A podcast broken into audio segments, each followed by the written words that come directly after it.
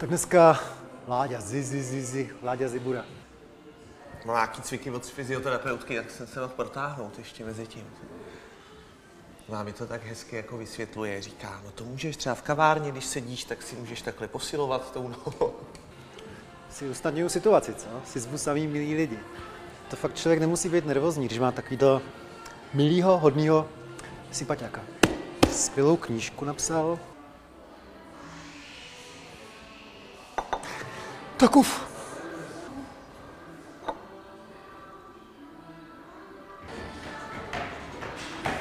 Láďo! Ahoj. Ladislav Zibura. Čau. Nazdar, promiň, že jsem na sebe nechal Pohodě. čekat. Čtu totiž tvoji knížku. Ahoj. Nemůžu se od ní odtrhnout. Ale ta tvoje byla kratší, tak. Moje byla, Jsem ty měl máš, práce ty máš uh, tlustou a taky se stokrát víc prodává než ta moje. To si nemyslím.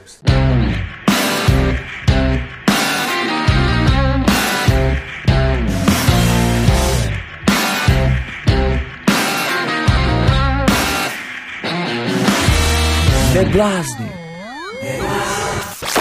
Hele, Láďa Zibura, uh, cestující spisovatel, ta kniha je čtvrtá, Je to tak? ale proč jsem si tě pozval do pořadu Neblázni, protože jsi blázen. Já tě sleduju celou dobu, za takového trošku nevlastního synovce tě považuji, protože jsem stejně jako ty rád takhle putoval a stopoval, ale ty jsi lepší v tom, že z tebe vyzařuje taková nakažlivá laskavost, spokojenost, štěstí. To se mi hezky hrozně líbilo a působilo to na mě. Ty Nevím, já si vůbec nevím představit, promiň, ale já Jo. si vůbec nevím představit, mně to stávalo, jestli se někdy na těch svých cestách dostal s těma místníma lidma do konfliktu, jestli se hodně pohádal, nebo se musel dokonce nějak pustit do křížku s někým. Já si tě nevím představit situaci, že na někoho křičíš na těch cestách. Já to fakt zažíval, co ty? Já ne, teda, ale je to proto, že já jsem úplně, čau, úplně chorobně nekonfliktní člověk. Já jsem vyrostl v rodině, kde se rodiče nikdy nehádali. Já jsem fakt neviděl své rodiče se hádat. A eh, když jako vyrosteš v rodině, kde je to nastavené takhle, tak já, když má přijít nějaká konfrontace, tak já vždycky tak jako po anglicku zmizím. A působí mi to hroznou tíseň vlastně se s někým hádat, takže to nedělám. Křičím občas, to jo, ale já nekřičím na nikoho. To se mně stane tak jako jednou do roka, že křičím na někoho, ale já spíš jako odejdu a vyvstekám se potom. No. Jinak, eh, co se týká jako optimismu a eh, nadhledu, tak ty knížky jsou o tom, jaký bych chtěl být ve skutečnosti. Takže ne vždy takový nadhled mám, ale mně přijde a možná potvrdíš nebo vyvrátíš moje přesvědčení eh, tím, že píšeš víc než já, že ty knížky ti dají příležitost vlastně ukázat to, co na sobě máš rád. A o tom, co zase tak rád jako nemáš, tak, eh, tak nepsat. Takže já vždycky píšu jenom o nějaké části své osobnosti a o tom, za co se stydím, tak za stolik nepíšu. Tak to mám naopak. Ty píšeš teda o tom. Já se, já se rád o, obnažuju v tomhle. No ale nevím, eh, jak třeba reaguješ, jestli jsi to už je poznal v Číně nebo v Nepálu, takovou tu situaci, kdy tě otravuje strašně moc čumilů a tak a po několika dnech nebo týdnech už to je fakt otravný. Zažil jsi to, ne? Jo, jasně. No. To potom, jako jak reaguješ na tuhle situaci? si pamatuju, o tom dokonce píšu v knížce Pěšky mezi buddhisty a komunisty. Ta eh, kapitola se jmenuje Splašila se mi kladivá. A eh, to je přesně o tom, jak, jak už jsem to nevydržel a byl jsem na někoho protivnej. Ale Jak to vypadalo?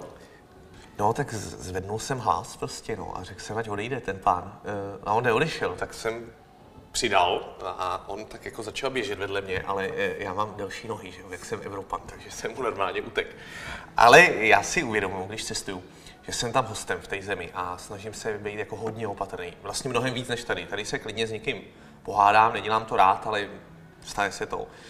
Ale v té cizí zemi já vůbec jako nevím, kdy je ta situace, kdy bych mohl urazit jeho kulturu, tak se radši držím stranou. A zároveň si myslím, že člověk, když cestuje, tak už tím, že mluví v cizím jazyce, tak je trochu jiný, než je tady. A já jsem na těch cestách jako vlastně ještě, ještě víc takovej jako eh, ostražitej a eh, stydlivý vlastně svým způsobem v některých ohledech a opatrný. No. Takže já se s lidma nehádám. A vždycky nějak, když vytuším, že už by to jako k tomu mohlo směřovat, tak se nějak vytratím a zmizím.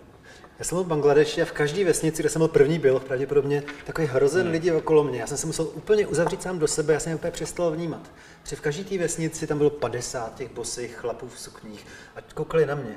Po půl hodině jsem se probral a tam pořád na mě koukali a dívali se jako na svatý obrázek. To bylo hrozně zvláštní. To nesmíš chodit tam, kde je hodně lidí. Já jsem i třeba v tom Nepálu nebo v Číně, tak jsem byl na venkově a fakt jsem jako v maličkých vesnicích, kde to množství lidí, se kterými jsem se potkával, bylo dostatečně malý na to, aby mi ty setkání byly příjemné. Hmm. Jo, protože vždycky jsem šel pak do další vesnice, která byla třeba 10 kilometrů, tak jsem si jako oddychnul. Ale bylo zvláštní třeba v Číně, když u mě zastavovali lidi, aby se se mnou vyfotili. A teď Číňani rádi jako napodobují to, co dělají ostatní. Tak jejich kultura je na tom hodně založená že zastavil první a teď jako další usoudil, že to je taky dobrý nápad. A teď se tam vytvořil jako šňůra aut a fakt tam byla taková jako fotící akce, teda, že jsem se musel vyfotit se všema. Ještě každý cítil potřebu mi něco dát. Často to byla voda. A teď vůbec jako jim nešlo vysvětlit, že už mám prostě pět litrů vody a že, už nechci další litrovou láhev. Tak jsem si vždycky usmál, vzal jsem ji a pak jsem, pak jsem ji vylil a pak jsem to vyhodil, vyhodil ve vesnici. Hele, to by se fakt nikdy na tvých cestách nestalo, že by si narazil na totálního idiota, na dementa, který by třeba od tebe chtěl úplně nesmyslný úplatky, protože to jsou ty momenty, kdy já fakt řvu.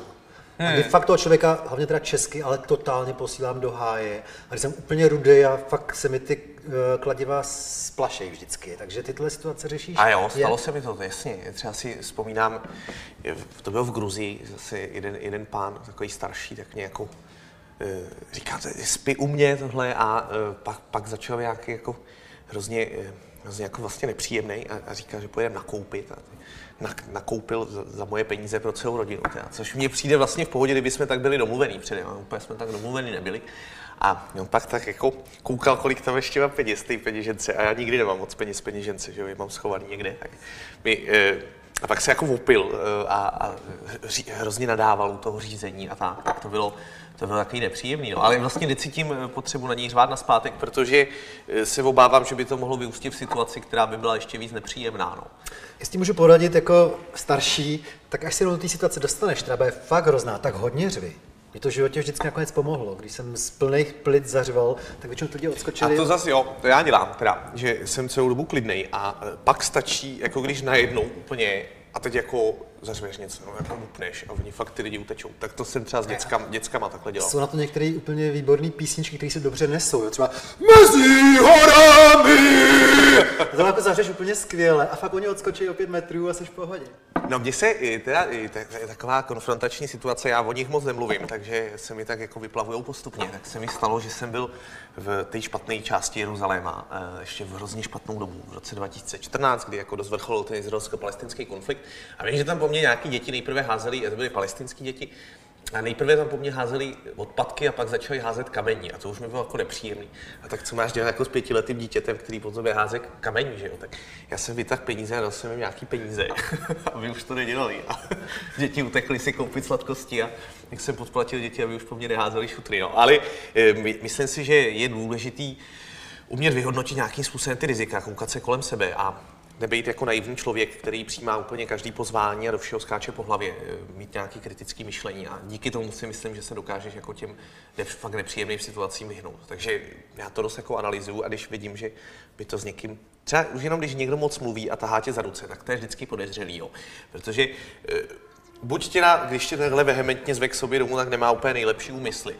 A nebo by teda při nejmenším celý večer mluvil a tebe by to lezlo na nervy, takže tam vždycky nějak jako zmizím. Ale je, skutečně je teda můj zážitek možná trochu jiný než, než tvůj, ale já jsem si vždycky cíleně vybíral země, které jsou bezpečné. V Bangladeši jsem nikdy nebyl. Ty jsi stopoval do té Číny, že jo, takže si stopoval přes ten eh, sovětský svaz bývalý. Ne, tak to všechno bylo bezpečné. Pro mě ta nejhorší situace nastala ve střední Africe. Jo, Tam jsem no, se připravil nejvíc ohrožený, vlastně, no. jinak všechno ostatní jsem projel s prstem nose, bych řekl. Ale ta střední Afrika mě teda stála pár šedin. No, chápu. To je, to je třeba jako region, kam bych se rád vydal někdy, ale nechtěl bych se tam vydat jako stopovat. Já bych to nedával se s někým dohadovat. No. Tak se tam vydám třeba. Víš co, třeba budeš donucený. Třeba jednou budeš donucený, protože čtenáři budou vyžadovat pořád něco dalšího a dalšího a nakonec ti dotlačí k tomu, aby si nasadil kůži. No a na tohle já nechci přistoupit právě. Konec konců to byl jeden z důvodů, proč jsem teď napsal cestu o Evropě, protože jsem se ptal lidí, o čem by si rádi poslechli příště. A teď mi říkal Jižní Amerika, Kanada, Spojené státy, eh, já nevím, eh, Rusko. Eh, a vždycky se říká, co bych napsal něco o Evropě, tak lidi říkají, Evropa, páč, tady nic není, tady jsou jenom McDonaldy a hipsterský kavárny. Tak jsem si říkal, tak tam bych měl vyrazit, to ještě lidi neznají. A vlastně je to cesta, kterou si chci vydávat. Já chci psát hezký cestopisy o místech, které lidi možná přehlíží trochu a vůbec to nemusí být exotický místa. Takže eh, jeden z mých dalších plánů, který možná zrealizuju už letos, je, že bych se znova chtěl vydat na cestu do Santiago de Compostela, kterou jsem šel v 18, nadchlo mě to, hodně mě to ovlivnilo do života a to je takový jako cestovatelský antitéma, že jo? protože to je cesta, kde už půlka lidí byla a eh, která je jako dobře zajištěná, jsou tam ty ubytovny a je to značený a tak, takže to je, není jako dobrodružná cesta. Nicméně mě baví eh, podávat ta místa, která nejsou jako prvoplánově zajímavá tím, že by byla nebezpečná nebo že by byla hodně exotická, tak podávat způsobem, který ukazuje, že i tahle místa vlastně ohromně zajímavá jsou. Takže nemyslím si, že bych se jako nechal dotlačit do toho, abych jel do Afriky. Ale to říkám teď, třeba za pět let, jo. A ty ve svých 27 letech, po nějakých třeba devíti letech každoročního cestování, pořád si stejně nadšený, pořád cítíš tu dychtivost, jako když ti bylo 19, anebo už trošku okoráváš a vlastně je, já jsem hmm. zase v cizině, ale vlastně už to všechno vím, všechno znám, všechno jsem viděl. Cítíš pořád stejný nadšení, což bych ti přál, ale já jsem okoral trochu. Jenom... Já jsem v dáce, jsem v dáce, buď rád, seš v dáce, seš v Bangladeši, to jsi vždycky chtěl. Člověk se musí nutit do toho trošku vlastně, po tom, co už byl Chápu jinde v. Ázii. Jednou, jednou se mě takhle nikam nechtělo, tak jsem nikam nejel. To byl rok 2012 asi, nevím, 15. Jeden rok jsem jako nikam nejel, byl jsem doma a tak mě to jako hrozně chybilo, že jsem tady byl doma prostě na chatě a říkal jsem si, ty jo, jsi blbej, ne, jsi mladý, tak nikam jeď. A já si myslím, že to je dost o představivosti člověka a o schopnosti e, prožívat ty příběhy, které se na těch místech staly. Protože těma příběhama, které se odehrály, tak je zajímavý jako každý místo na světě. A mě docela baví si k tomu něco načíst. A e, teď třeba pro mě byl ohromný zážitek, když jsem byl e, v Nepálu, já jsem tam teď byl po druhý, protože jsem tam za rodiče. A e, v, i, i v, prostě v nejvyšších horách světa můžeš najít skameněliny, protože byly vyvrásněny poměrně pozdě, Himalaj. A No a já jsem našel toho, toho trilobita, ne? A úplně teď to mám vystavený doma prostě na té poličce, že mám jako toho trilobita, který jsem tam našel. A pokud dokážeš prožívat takovéhle drobnosti, tak si myslím, že tě to cestování nepřestane bavit nikdy. Hmm. A možná otupíš k těm věcem, který ti poprvé, když jsi tam byl, přišli jako úplně fascinující. Já nikdy nezapomenu na to, když jsem přiletěl do Nepálu v roce 2016. Bylo to poprvé v životě, když jsem byl v té daleké Ázii, Eh, teď jsem vystoupil z letadla a já jsem neměl nic připraveného. Já jsem fakt o Nepálu věděl jenom to, že tam je hodně hor a, eh, a že to je chudá země. A věděl jsem, jaký potřebu očkování. A teď jsem jako vystoupil a jsem úplně jako uchvácený z toho, že to je jako neuvěřitelný. A teď mě tam někdo naložil na skútr a vezmě na tom skútru, kde jsme jeli ve třech do toho centra Katmandu, teď je tam ten hrozný provoz a já úplně jsem to pozoroval, že jsem pocit úplně, že jsem jako v jiném světě a že zažívám něco jako nezapomenutelného. A pak jsem zjistil, že mi nefungují eh, platební karty, i když jsem měl dvě různé a že nejde vybrat z bankomatu a že jsou všechny směrárny zavřený a, a že vlastně jako nic nemám. A teď jsem tam šel do nějaký kavárny, ale nikdy nezapomenu na ten moment, kdy jsem se tam sednul, objednal jsem tam ten čaj, protože to je asi jediný místo v Katmánu, kde jde platit kartou, nebo ono jich asi bylo víc. Ale... A začali hrát uh, Beatles, písnička Revolution z z repráku a se tak jako rozhlídnul kolem sebe a říkal jsem si, ty tak to je dobrý, teď tě čeká něco velkého. A to bylo jako úžasný, nádherný pocit. A když jsem se teď do Nepálu vrátil, tak už jsem tenhle pocit neměl.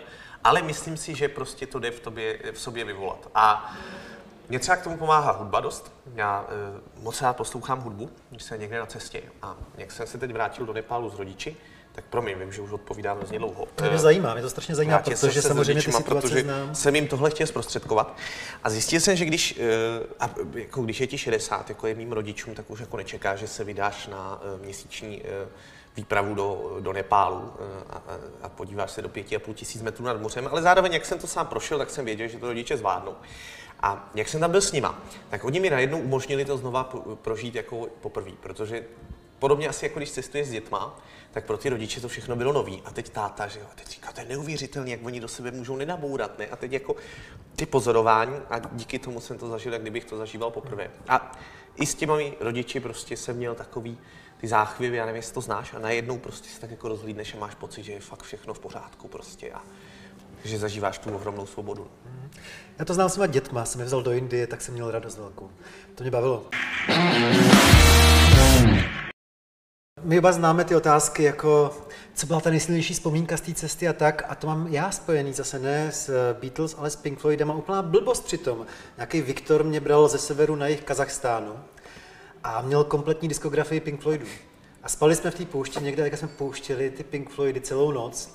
Pili jsme nějakou eh, vodku, jedli jsme konzervu a to byl takový krásný zážitek hmm. a spousta hvězd, že to přebylo mnohem drsnější věci nebo jako exotičtější, ale to byly nezapomenutelné tři dny s tímhle tím posluchačem Pink Floydu, to se mi hrozně líbilo. Mně přijde, že nakonec zpětně nezapomenutelné jsou momenty, které ti tak ani nepřijdou v tu Vůbec. A že se na, na to ohlídneš a je to prostě ještě po pěti letech vzpomínáš, jak si někde pil kafe prostě hmm. a bylo ti dobře. Hmm. A na to, že si boural s autobusem, už si dávno jako zapomněl, protože to není zase tak zajímavý. Já třeba nikdy nezapomenu na moment.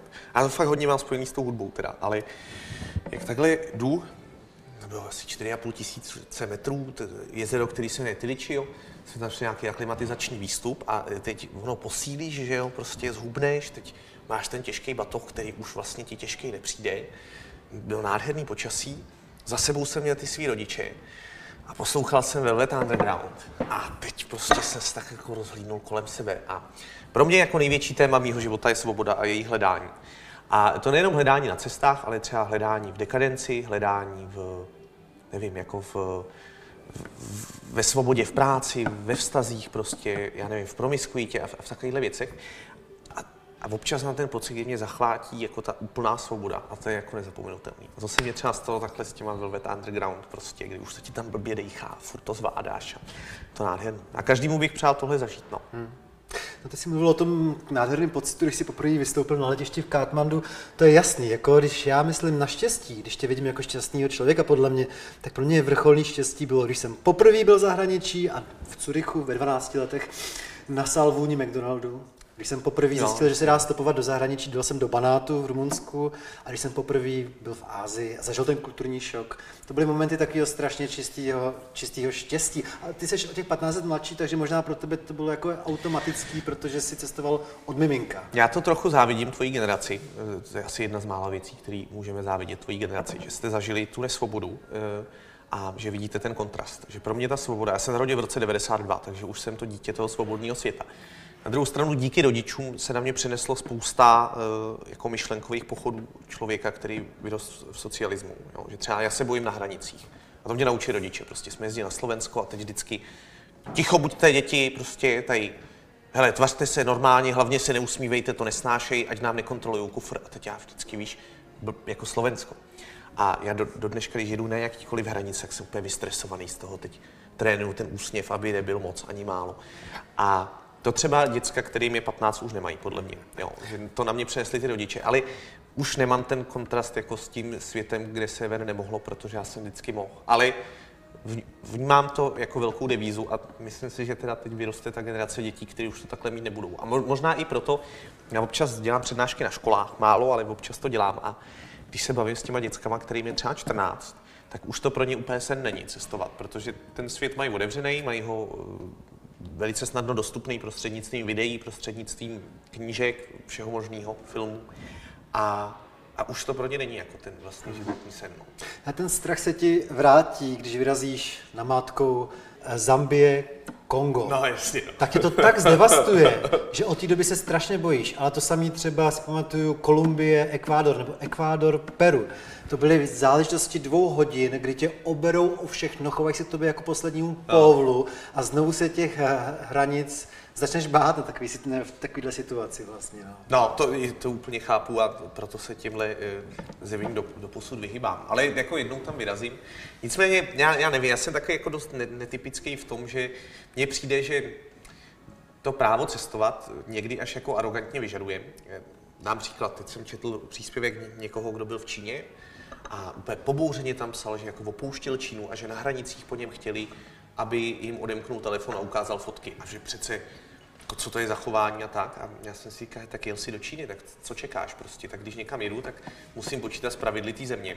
A když nejsem ochotný respektovat, no, tak to jednoduše nemusím jezdit. A tím nechci obhajovat, jako co se odehrává v Číně, ale vlastně e, přijde mi to jako smutný, že se tohle na těch hranicích děje, ale nepřijde mi to jako nic, kvůli čemu bych tu zemi měl odsoudit. Jo? Že No ne, víc ti fakt vadí to, Ale když, no, když no. jsou totálně skorumpovaný, to v Číně, v Číně podle mě nejsou, jo. Nejsou, ale no, takový nikdo. ten je totálně skorumpovaný, Jo, jo, jo. takže ty už si zaplatil 100 dolarů za výzum tady v Evropě a ten dalších 100 necháš jemu potom do kapsy, že jo.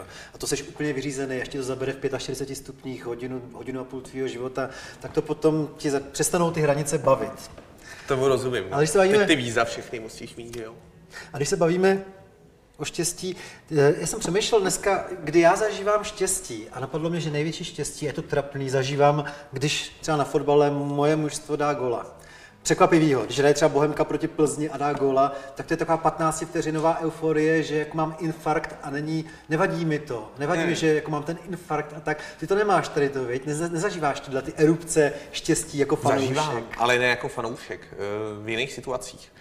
Eh, Já třeba, já to mám hodně spojený s tou svobodou. Fakt, a- vždycky se mě to děje na cestě nějaký. A podle mě cesta, být na cestě vůbec neznamená být na cestě v zahraničí. Podle mě, když jsi na cestě, odkudkoliv, kamkoliv, tak přepneš do trochu jiného módu mysli. Jednak to dost spojuje lidi. Že lidi najednou jako na té cestě spolupracují, to si můžeš všimnout už, když jedeš vlakem a ten vlak se rozbije, tak najednou si ty lidi začnou bavit a teď říká, hele, pro mě jede manžel, nepotřebujete někdo hodit do její hlavy a všechno to tak jako najednou funguje. Úplně.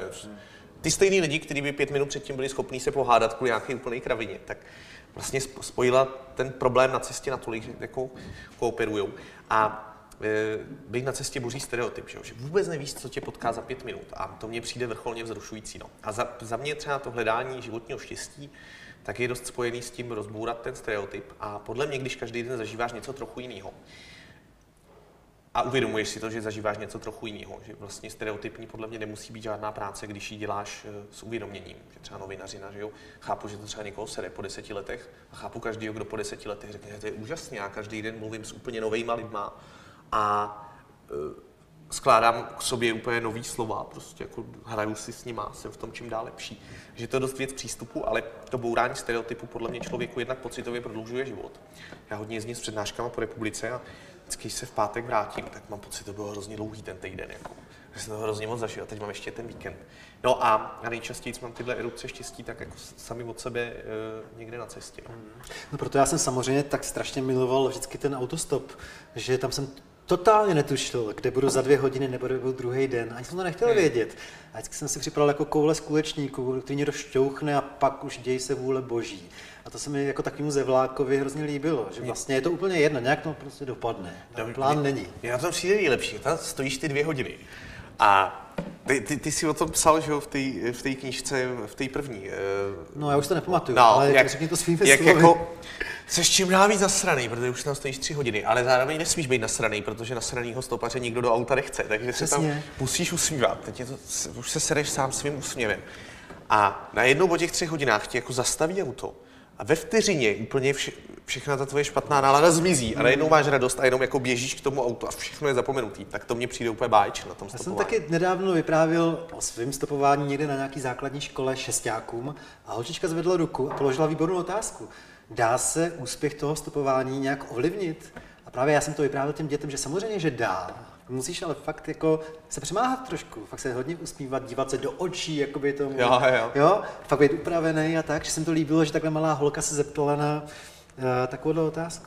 Ještě, kde zažívám občas ty pocity velkého štěstí, to je třeba kultura, koncerty. Nedávno mě pozval eh, slavný český dirigent Jakub Hruša do Bamberka, kde vede tamní symfoniky. Dal mi lístek eh, nultá řada. Tak jsem myslel, že to bude fakt někde na balkoně úplně nejhorší řada. A bylo to přímo pod ním. Jo. Ta první řada přímo pod ním. Takže ten hlavní houslista na mě tak prskal. Tak jo, byl, měl jsem je fakt na dosah ruky. A hráli nějakýho Martinu. A já jsem byl fakt šťastný, ne? Málo kdy je člověk tak šťastný, jako když sedíš v té nádherné budově té symfonie v nádherném Bamberku, kde jsi dal výborný pivo předtím, ale jak fakt jsi takhle blízko od toho celého ansámblu, který hraje tu krásnou muziku, to, bylo, to bylo nádherný. Jo, to, já teda s- vážnou hudbou to mám taky hodně spojený. Já jsem velký fanoušek, to je moje vel- velká vášeň, vážná hudba. Teď, teď jsem zrovna před dvěma týdny byl v Berlínské filharmonii, to byl můj splněný sen, prostě jeden z nejlepších koncertních sálů na světě. Skvělý, Handlův Mesiáš, já jsem byl úplně odvařený z toho. A já jsem byl na Beethovenovo sedmý v kasárna Karlín. A jak to bylo venku, což je trochu neobvyklý, že jo, hrát, eh, hrát symfonickou hudbu venku, tak ještě to, to bylo hrozně dobrý počasí na toho Beethovena. Jo. Tak jako hodně foukal vítr. Teď jsi tam slyšel ty ruchy různě, tam jezdí vlaky kolem eh, kasárna Karlín a zpívali ptáci. A jak foukal vítr, tak v jednu chvíli to odfouklo dirigentovi kus partitury, takže musel dirigovat z paměti. A se si říkal, tyjo, Beethoven by byl úplně nadšený z tohohle. A taky jsem seděl v první řadě. Výborný to bylo, no, to mám moc rád. A myslím si, že ta hudba je v tomhle naprosto úžasná, že eh, dokáže eh, budit emoce, ale jako opakovatelně. Že zatímco u všeho trochu otupíš, že prostě jako ať už, ať už jako je to s tím chlastem, nebo s drogama, nebo jako se sexem, tak po čase jako otupíš, tak ta hudba prostě zas a znovu v tobě dokáže probouzet úplně stejné emoce. A naopak mám pocit, že čím déle eh, to posloucháš a čím víc to máš rád, tak tím intenzivnější ty emoce jsou. A ten fotbal taky. Ten fotbal, tak já bych to měl Tam se to neobrzí, když dá Bohemka gola kousek od Bohemky. Tak... nebo Plzni. No. Ale ta Bohemka je jako, jako civilizovaný klub, ne? Že tím jsou vyhlášený, že nikdy pojď, nebyli rasisti. Pojď, a... zveme tě, pojď se podívat. A ještě u sportu bych zůstal, šťastný jsem docela, zjišťuju, když další dobu běhám. A ty podle mě taky trochu běháš, ne? Já jsem běhal dost, ne tolik jako ty, ale běhával jsem ohromně rád. Teď mám nějaký problémy s kolenem, tak jsem na dva roky přestal. Ale teď mi dal naději ortoped, kterého jsem byl a mě prostě dva roky už mě hrozně bolí koleno. Já jsem se to uhnal, když jsem byl v Arménii, koupil jsem si tam kolo a v Arménii jsou úplně strašlivý kopce. Já jsem najezdil na kole a jednoho dne mě začalo bolet koleno, už nepřestalo. A patrně se mě blbě nastaven sedlo a dva roky se s tím trápím. A uh, teď musím cvičit nějaký cviky na to a tak. A teď jsem byl u ortopeda, který mě poslal do takového to CT, se tomu říká, jaký ten tunel, jak, je to jak strat vesmírný lodi a by to jako vyhodnotil a jsem se hrozně bál, co mi řekne, ne? že mi řekne, že už jako nemůžu chodit s tím batohem a tak. A ten ortoped říkal, no tak je to zase tak blbý nemáte. Co by vám prospělo? Kdybyste běhal, eh, nejlepší by bylo, kdybyste běhal bosej teda. Eh, po asfaltu běhat můžete, jenom si dávejte pozor na běhání z kopce. Uh, taky by bylo dobrý, kdybyste obecně nějak jako sportoval, choďte plavat a úplně všechny ty věci, které jsem si myslel, jako, že nesmím dělat, tak on říkal, ať dělám, tak uh, asi zase začnu a to běhání nádherný teda. Co se mi strašně líbí, když běhám fakt hodně dlouho, což se mi občas povede, tak na konci jsem takový velký optimista a spřádám megalomanský plány, klidně, že se stanu prezidentem českým, jo. A přitom to vůbec nemám v povaze a pár hodin po doběhu si řeknu, si řeknu co se byl za na co jsi to vymýšlel. A se mi hrozně líbí, že když mám za sebou třeba 30 kilometrů, tak ta hlava se nějak uvolní a jsem najednou hmm. fakt člověk, který by všechno zvládl úplně. A říkám to proto, jestli ty si nezažíval něco podobného na pěších poutích, jestli po 14 dnech si najednou neměl takovýhle bláznivý nápady, který vlastně, když člověk dojde do cíle a vrátí se domů, tak ho přejdou. Ty pěší poutě jsou ohromně zajímavý téma a taky proto o tom vlastně chci napsat knížku o té cestě do Santiago, kde se na to víc zaměřím, protože jakmile, jakmile jdeš tak dlouho a ze zkušenosti mojí to trvá třeba tři až čtyři týdny, že už máš pocit, že už do, do konce života budeš jenom chodit, že se tak jako oddáš tomu nekonečnu, tak najednou jako zmizí ta, uh, zmizí ta budoucnost, protože ty vůbec jako nevíš, co tě čeká večer, na to, jak daleko ještě půjdeš, radši nemyslíš, protože půjdeš ještě tisíc kilometrů na minulost taky moc nemyslíš, protože to zase tak zajímavý není, jako to, co si zažil na té cestě a kdyby si vzpomínal na domov, tak je ti akorát smutno a teď máš jenom tu přítomnost kolem sebe a, a hlavně máš čas, že jo? protože ty jdeš celý den. Nemusíš nic plánovat, protože jako jdeš buď podle kompasu nebo podle nějaké trasy a, a máš čas a ty se jako koukáš nebo posloucháš tu hudbu nebo si přemýšlíš o nějakých věcech. A mně vždycky přišlo, že jsem si připadal takový silný, že jako všechno zvládnu, že se zvládnu o sebe postarat. Všechny problémy mě přišly ohromně banální najednou že si jako uvědomuješ, že to, co jako dneska je problém, tak za rok už bude jenom vtipná historka. A jo, vlastně jsem měl podobný pocity jako při tom běhání, ale méně intenzivní, což znamená, že jsou jako déle uchovatelný, jo? že jsi celý den tak jako se usmíváš a jsi spokojený. Zatímco, když se vybudíš k nějakému extrému, eh, tak eh, to trvá jako kratší čas. A pak, když to jako opadne, tak jsi zase trochu smutný. Já jsem s tím trochu bojoval, když jsem před pěti lety začal dělat eh, přednášky různě po republice bylo mi 22. A teď najednou do té doby prostě jsem studoval vysokou školu a teď, se, teď jsem jako dostudovával a, a do toho jsem začal jezdit po republice, po těch různých sálech. A teď noví lidi, krásné holky, uh, jo, sympatický lidi prostě a, a teď oni jako poslouchali, co říkám a teď jich tam bylo třeba 100 a pak jich tam bylo 200 a teď jich tam bylo 300 a smáli se tomu, co říkáte, opojný úplně. A teď já jsem úplně byl extatický ten večer a teď se s těmi lidma zůstal a teď jsme jako pili a bavili jsme se a vtipy jsme dělali a úplně jsem měl pocit, že zažívám jako to nejlepší ve svém životě. A pak jsem se ráno probudil v hotelu v cizím městě sám, šel jsem na nějakou snídaní prostě a my jsme tam byli takhle u té snídaně a hrozně, vlastně ten můj život byl takhle, jo, že vždycky ta, ta extáze večer a to vystřízlivění ráno. A je to zajímavé, no, jakože podle mě je to způsob, jak můžeš prožít svůj život, jako v těchto extrémech. Ale nemyslím si, že to je cesta k dlouhodobé spokojenosti, že cesta k dlouhodobé spokojenosti je v tom se nenechat příliš unášet ani těma pozitivníma věcma. A také jako vnímat, eh, radovat se z nich, ale střízlivě, protože eh, pak ten propad není zase tak velký. Tohle je zajímavý. Tobě ty přednášky od prvního dne, od první přednášky ti jak by šly, naplňovaly tě, bavili tě, měl jsi tu krásnou odezvu, nebo jsi to musel naučit? Ne, musel jsem se to naučit samozřejmě. Takže A ty to, to prv, těch to baví, prvních pár přednášek že nebylo tak euforický. No, já jsem přesvědčený o tom, že já jsem si nikdy nic nepřipravoval. Takhle to dělám s těma přednáškama, že si prostě připravím ty fotky, vím, že k tomu mám co říct, že mám nějaký jako pointy už jako vymyšlený, ale nevím, co budu říkat. A podle mě těch prvních pár přednášek eh, utáhneš na to, že to je takový, asi tak jako to děláš ty, prostě, že to je takový jako živý a uh, upřímný hodně a že je vidět prostě, že to jako prožíváš s těma lidma v tu chvíli, jako živelný. A pak to zase utáhneš na to, že už je to jako vy- vycizelovaný. No, takže podle mě i ty první přednášky mají svůj půvab a uh, já vlastně nej, nejlíp vzpomínám na svou první přednášku, kterou jsem kdy měl, protože podle mě byla nejlepší. A to nebyl trapas. Já když jsem měl svoji první přednášku, tak jsem se úplně zhroutil nervově. Bylo to v Českých Budějovicích. V Českých Celou Budějovicích. dobu jsem klečel, spínal jsem ruce, trhal jsem si vlasy. Pak za mnou přišla nějaká paní po třech hodinách, co jsem něco blekotal a říkala, já jsem jenom chtěla, abyste mi podepsal tady magazín Mladý fronty dnes, čekám na to už tady na půlnoc a odjela někam na Šumavu posledním autobusem nebo co, ale bylo to hrozný. No jako moje první přednášky taky byly neotesaný velice a neuměl jsem pořádně mluvit do mikrofonu a tak, ale podle mě to publikum ti všechno odpustí, když vidí, že seš pokornej.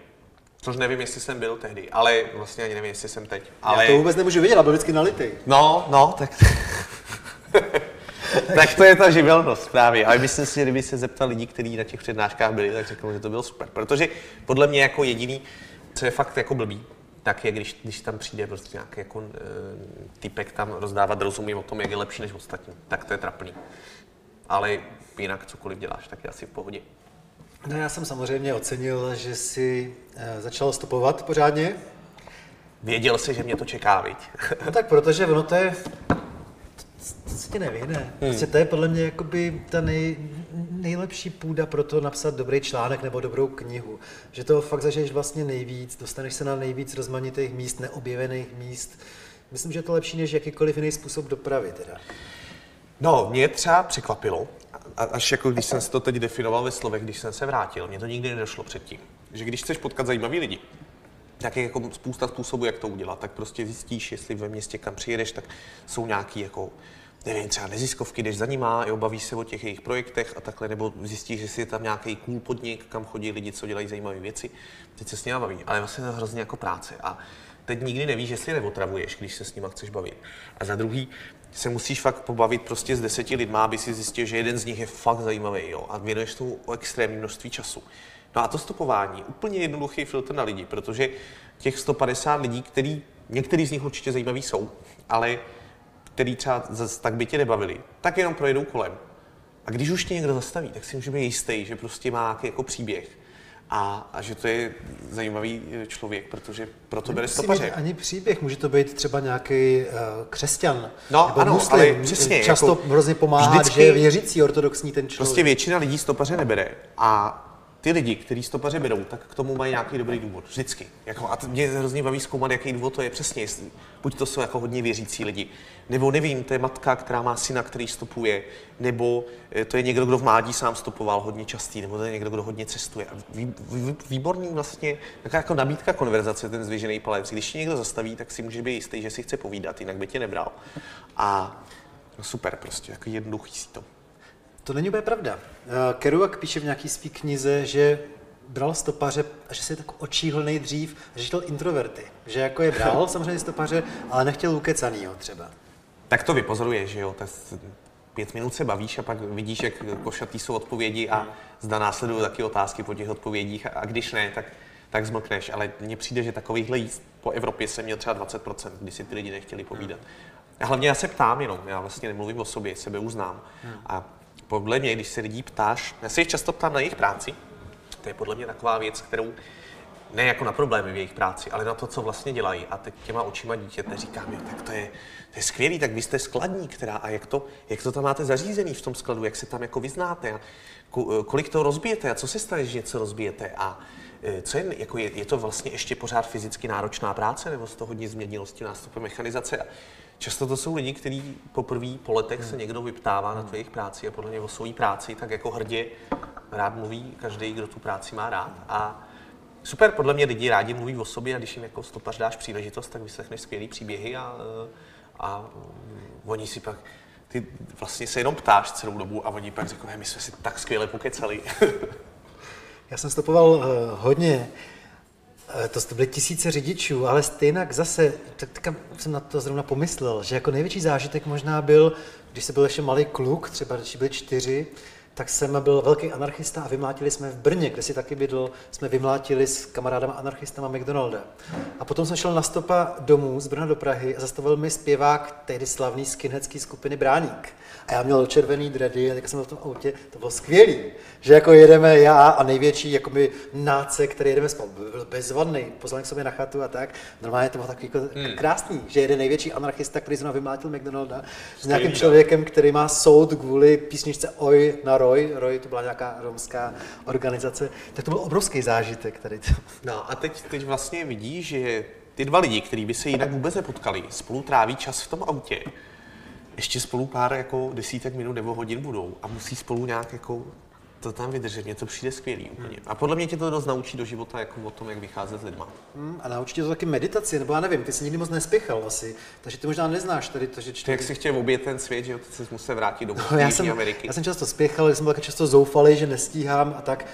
Nevím. Pro mě nejhorší možná to bylo v Argentíně, pro mě překvapivě, kde se strašně špatně stopovalo a byl srpen a byl jsem v Patagonii na jihu a byla zima jako kráva. A já byl celou dobu v tropech někde, takže v nějaký lehký větrovce a teďka fakt nikdo nestavil, mě mrzly ty slzy a tak. To bylo úplně... Ty jsi zažil takovýhle satory nějaký, kdy si fakt už nevěřil, že ti zastaví někdo a hmm. už jsi byl zoufalý a zastavil?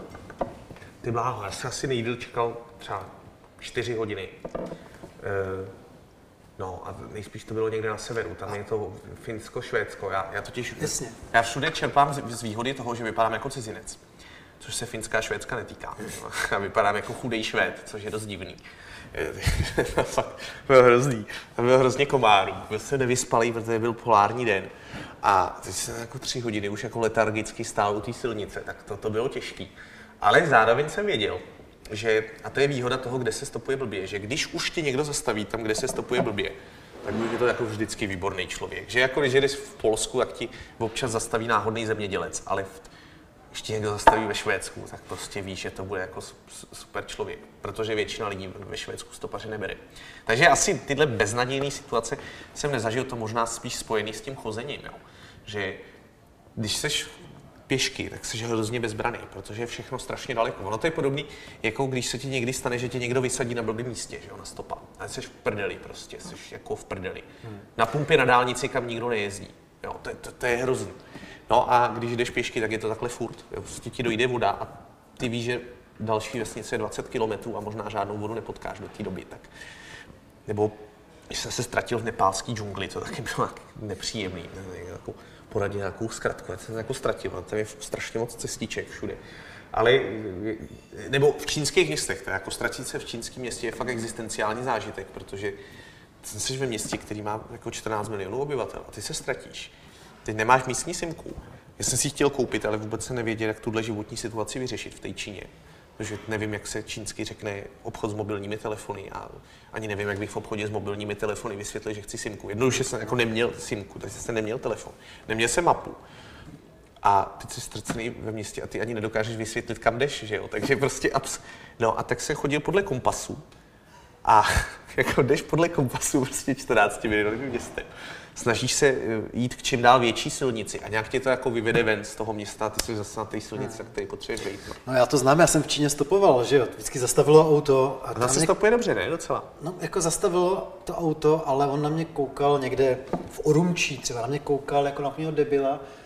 Já mu ukázal mapu, on mi propích prstem zásadně. A tak, jakože prostě bylo to hrozně těžké. Jak jsem si sedl do toho auta, říkal jsem jeď, jeď, jeď. A já jsem fakt nevěděl, kde jsem, protože taky neznám ty znaky čínský, že jo, tak jsem nevěděl, jestli jdu správně.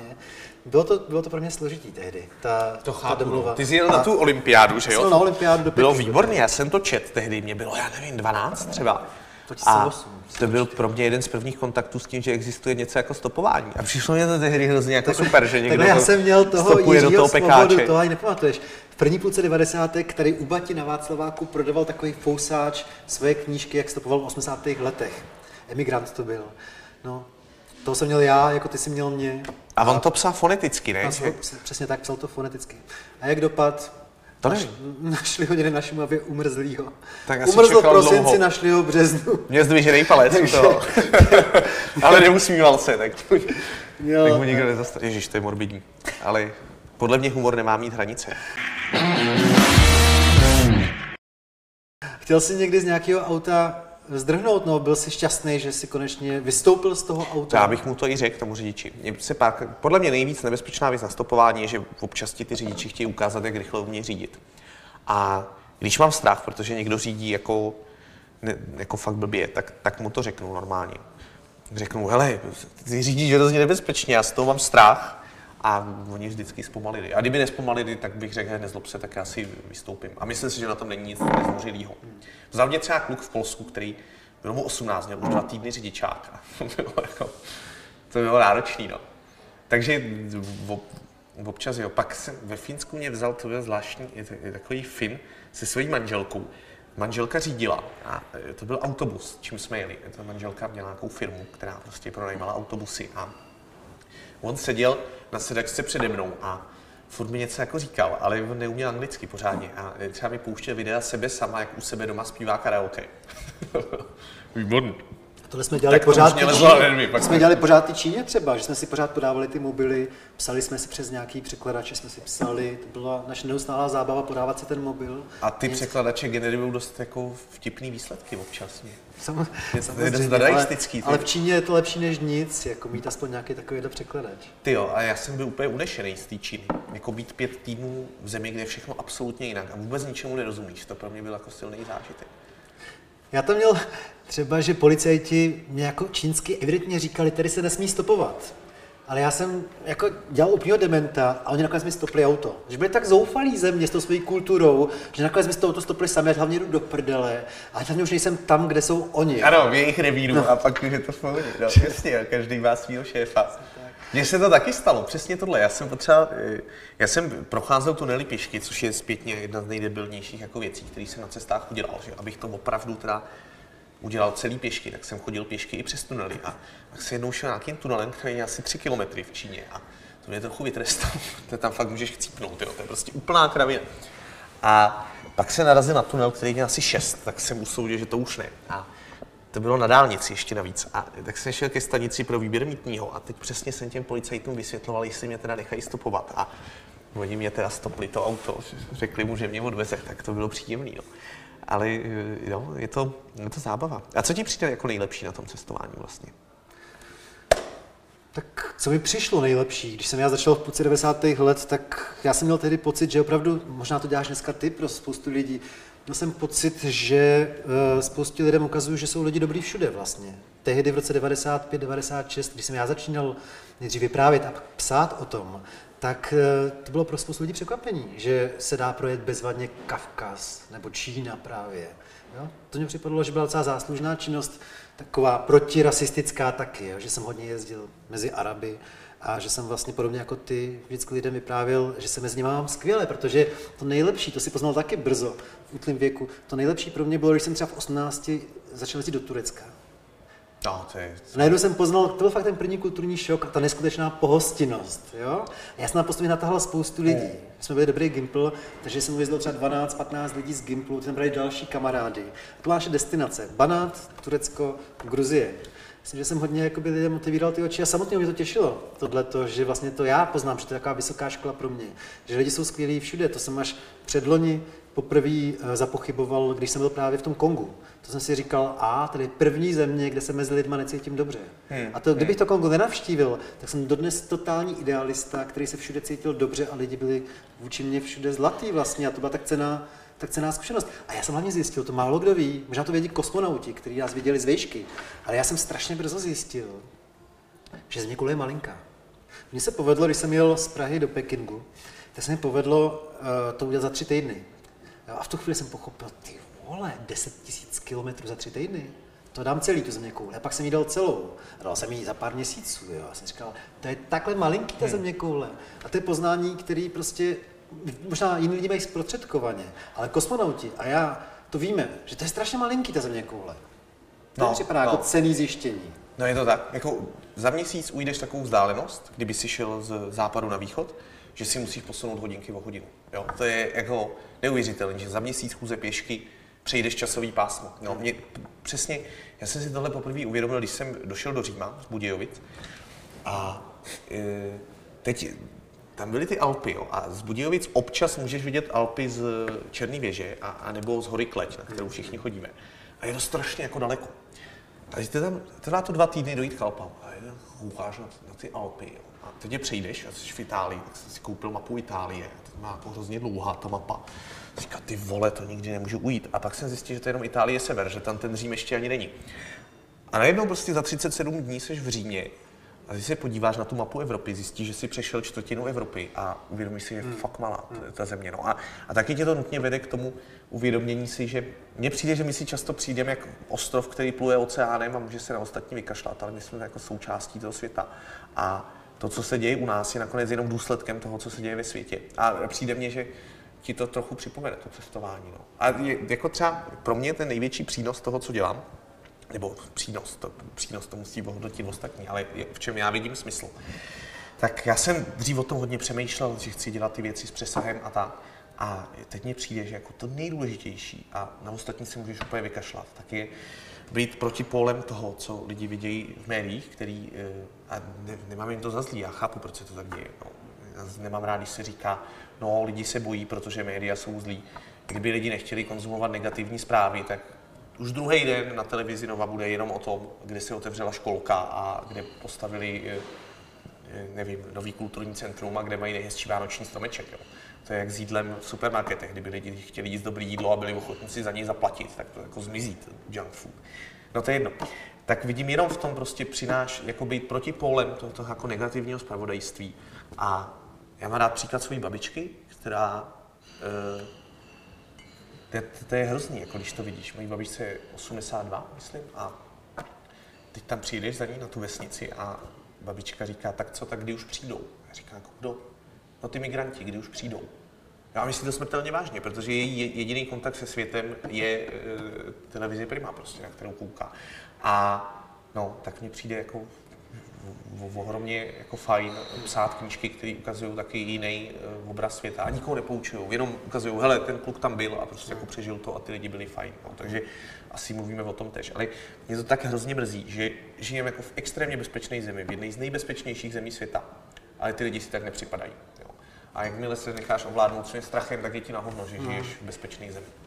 Spousta Goři povídá, to je samozřejmě spousta, eh, spousta témat. No. To je eh, spousta témat. Jako třeba jenom k tomu jednu takovou doušku.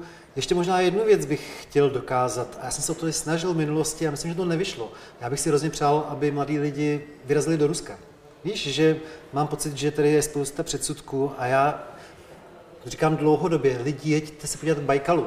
Víš, a hrozně mrzí, že to mladí lidi neudělali, že je to potřeba, že naštívili už všechny Pensylvánie a, a Polynézie a Patagonie a nevím, co všechno na P, ale nebyli ještě nikdy prostě přádně v Petrohradě, na to, že někde na Sibiři nebo u Bajkalu. A to si říkám ještě, jestli budu mít možnost nějak to lidem jako dokázat, že to stojí za to vyrazit do, Rusko, být do Ruska, být tam 14 dnů a poznat ho a teprve pak si dělat úsudek, tak to, to bych si přál třeba já jako novinář. Už vám to vyžaduje moc času, no. Jak říkal můj dědeček, předsudky šetří čas, to je hrozně jako výstižný, no, proto je máme. Já jsem třeba v Rusku nikdy nebyl, už hrozně dlouho se tam chystám. Jako přesně z tohohle důvodu, no. Je, jezdím na Ukrajinu moc rád a Vůbec no, mě vlastně tohle černobílý, podle mě nikdo nemůže vidět svět černobíle, když cestuje. A to je, jsem se o tom bavil s panem Zikmundem, jsem byl navštívit pana Zikmunda, to je 100 let, že? a e, říkal jsem, e, co, proč si myslíte, pane Zikmunde, myslíte, že ještě vůbec má smysl jako dneska cestovat, když se člověk může podívat na ty dokumenty, které jsou hezčí než realita, o všem si může přečíst a tak.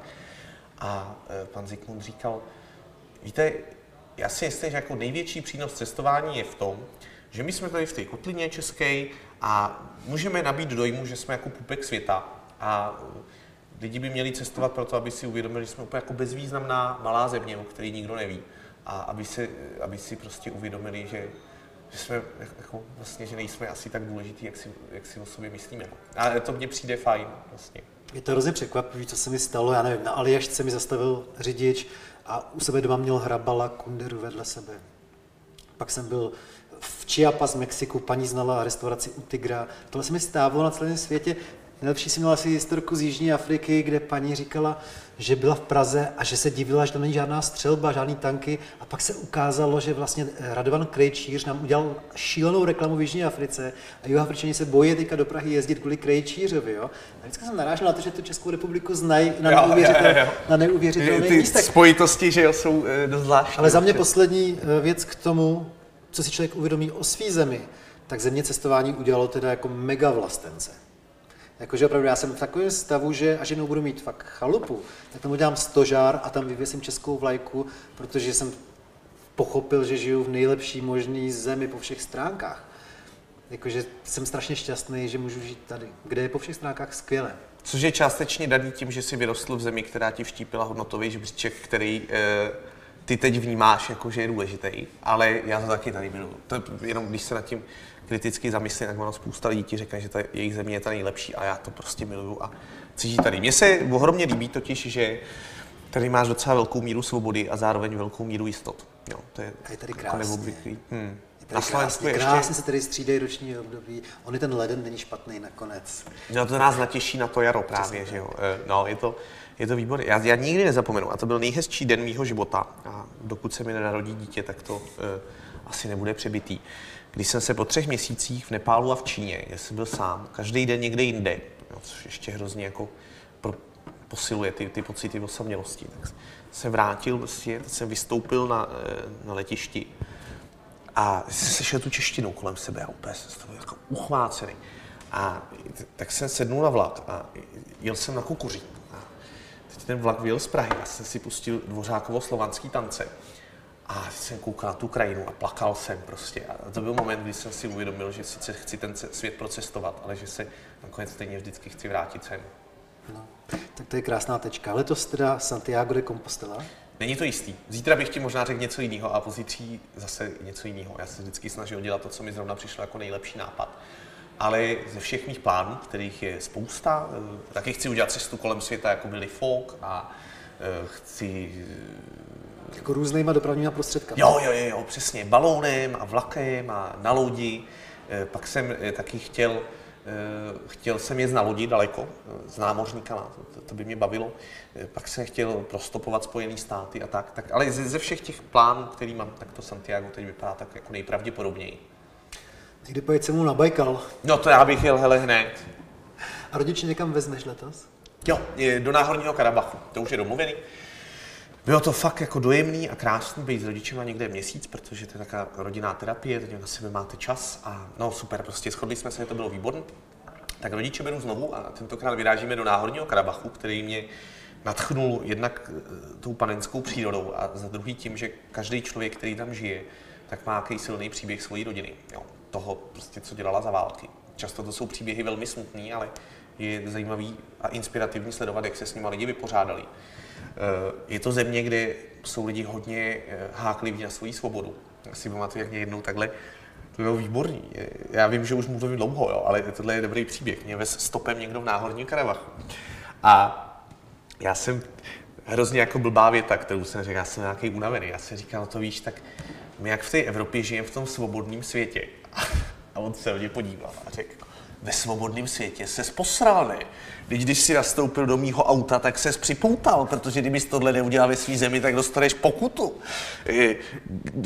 Ve svobodné zemi, teď si nemůžeš dát pivo a sednout za vola. Ve svobodné zemi můžeš si ve své zemi koupit pole a e, založit farmu ve 20 letech. Prostě můžeš přestat platit zdravotní pojištění. O jaké svobodě kurva mluvíš? A to bylo, co si říkal, vlastně jo.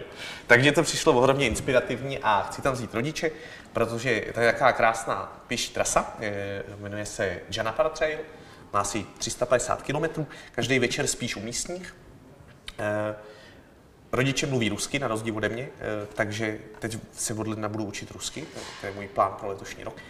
Takže zase budou na koni rodiče s, s tou svojí ruštinou a, a je to jako krásné a bezpečný a tak. A navíc, a to se podle mě málo připomíná, já vidím ohromný smysl v cestování do chudých zemí, protože podpoříš ty chudí lidi svýma penězma. A to je jako skvělý způsob, jak z toho globálního trendu cestování, který nám mnozí lidi fakt jako hrozně obtěžuje, eh, nepotřebuje další turisty v Praze, podle mě, tak můžeš udělat něco s přesahem, protože když ty lidi, kteří dneska jedou do Prahy, tak by místo toho jeli do nějaké chudé oblasti, tak prostě budou přínosem pro ty místní lidi, kteří ty prachy potřebují. Tak se snažím cestovat do chudých oblastí a propagovat to. Já čím jsem byl starší, tak tím víc jsem každému řidiči nabízel, že ho pozvu na jídlo. Málo kdo přijal pozvání, No, ale je snažil to jsem strašně milý jako být ten stopař gentleman, protože zvyšuje šanci, že pak zase někomu zastaví ten řidič. se. Děkuji moc za to, že jsi přišel a ti vydrží navždycky ta tvoje laskavost a spokojenost a štěstí. Tomáši, díky A- moc za pozvání teda, a za inspiraci. Jestli to bereš vážně, tak jednou na ten Baikal zajedeme. Tyhle, pojďme, to by, to by bylo výborný úplně. Fakt, fakt by mě to bavilo. Tak já sám ještě jedno pivko. Díky. Díky Tomáši, Děkuju díky.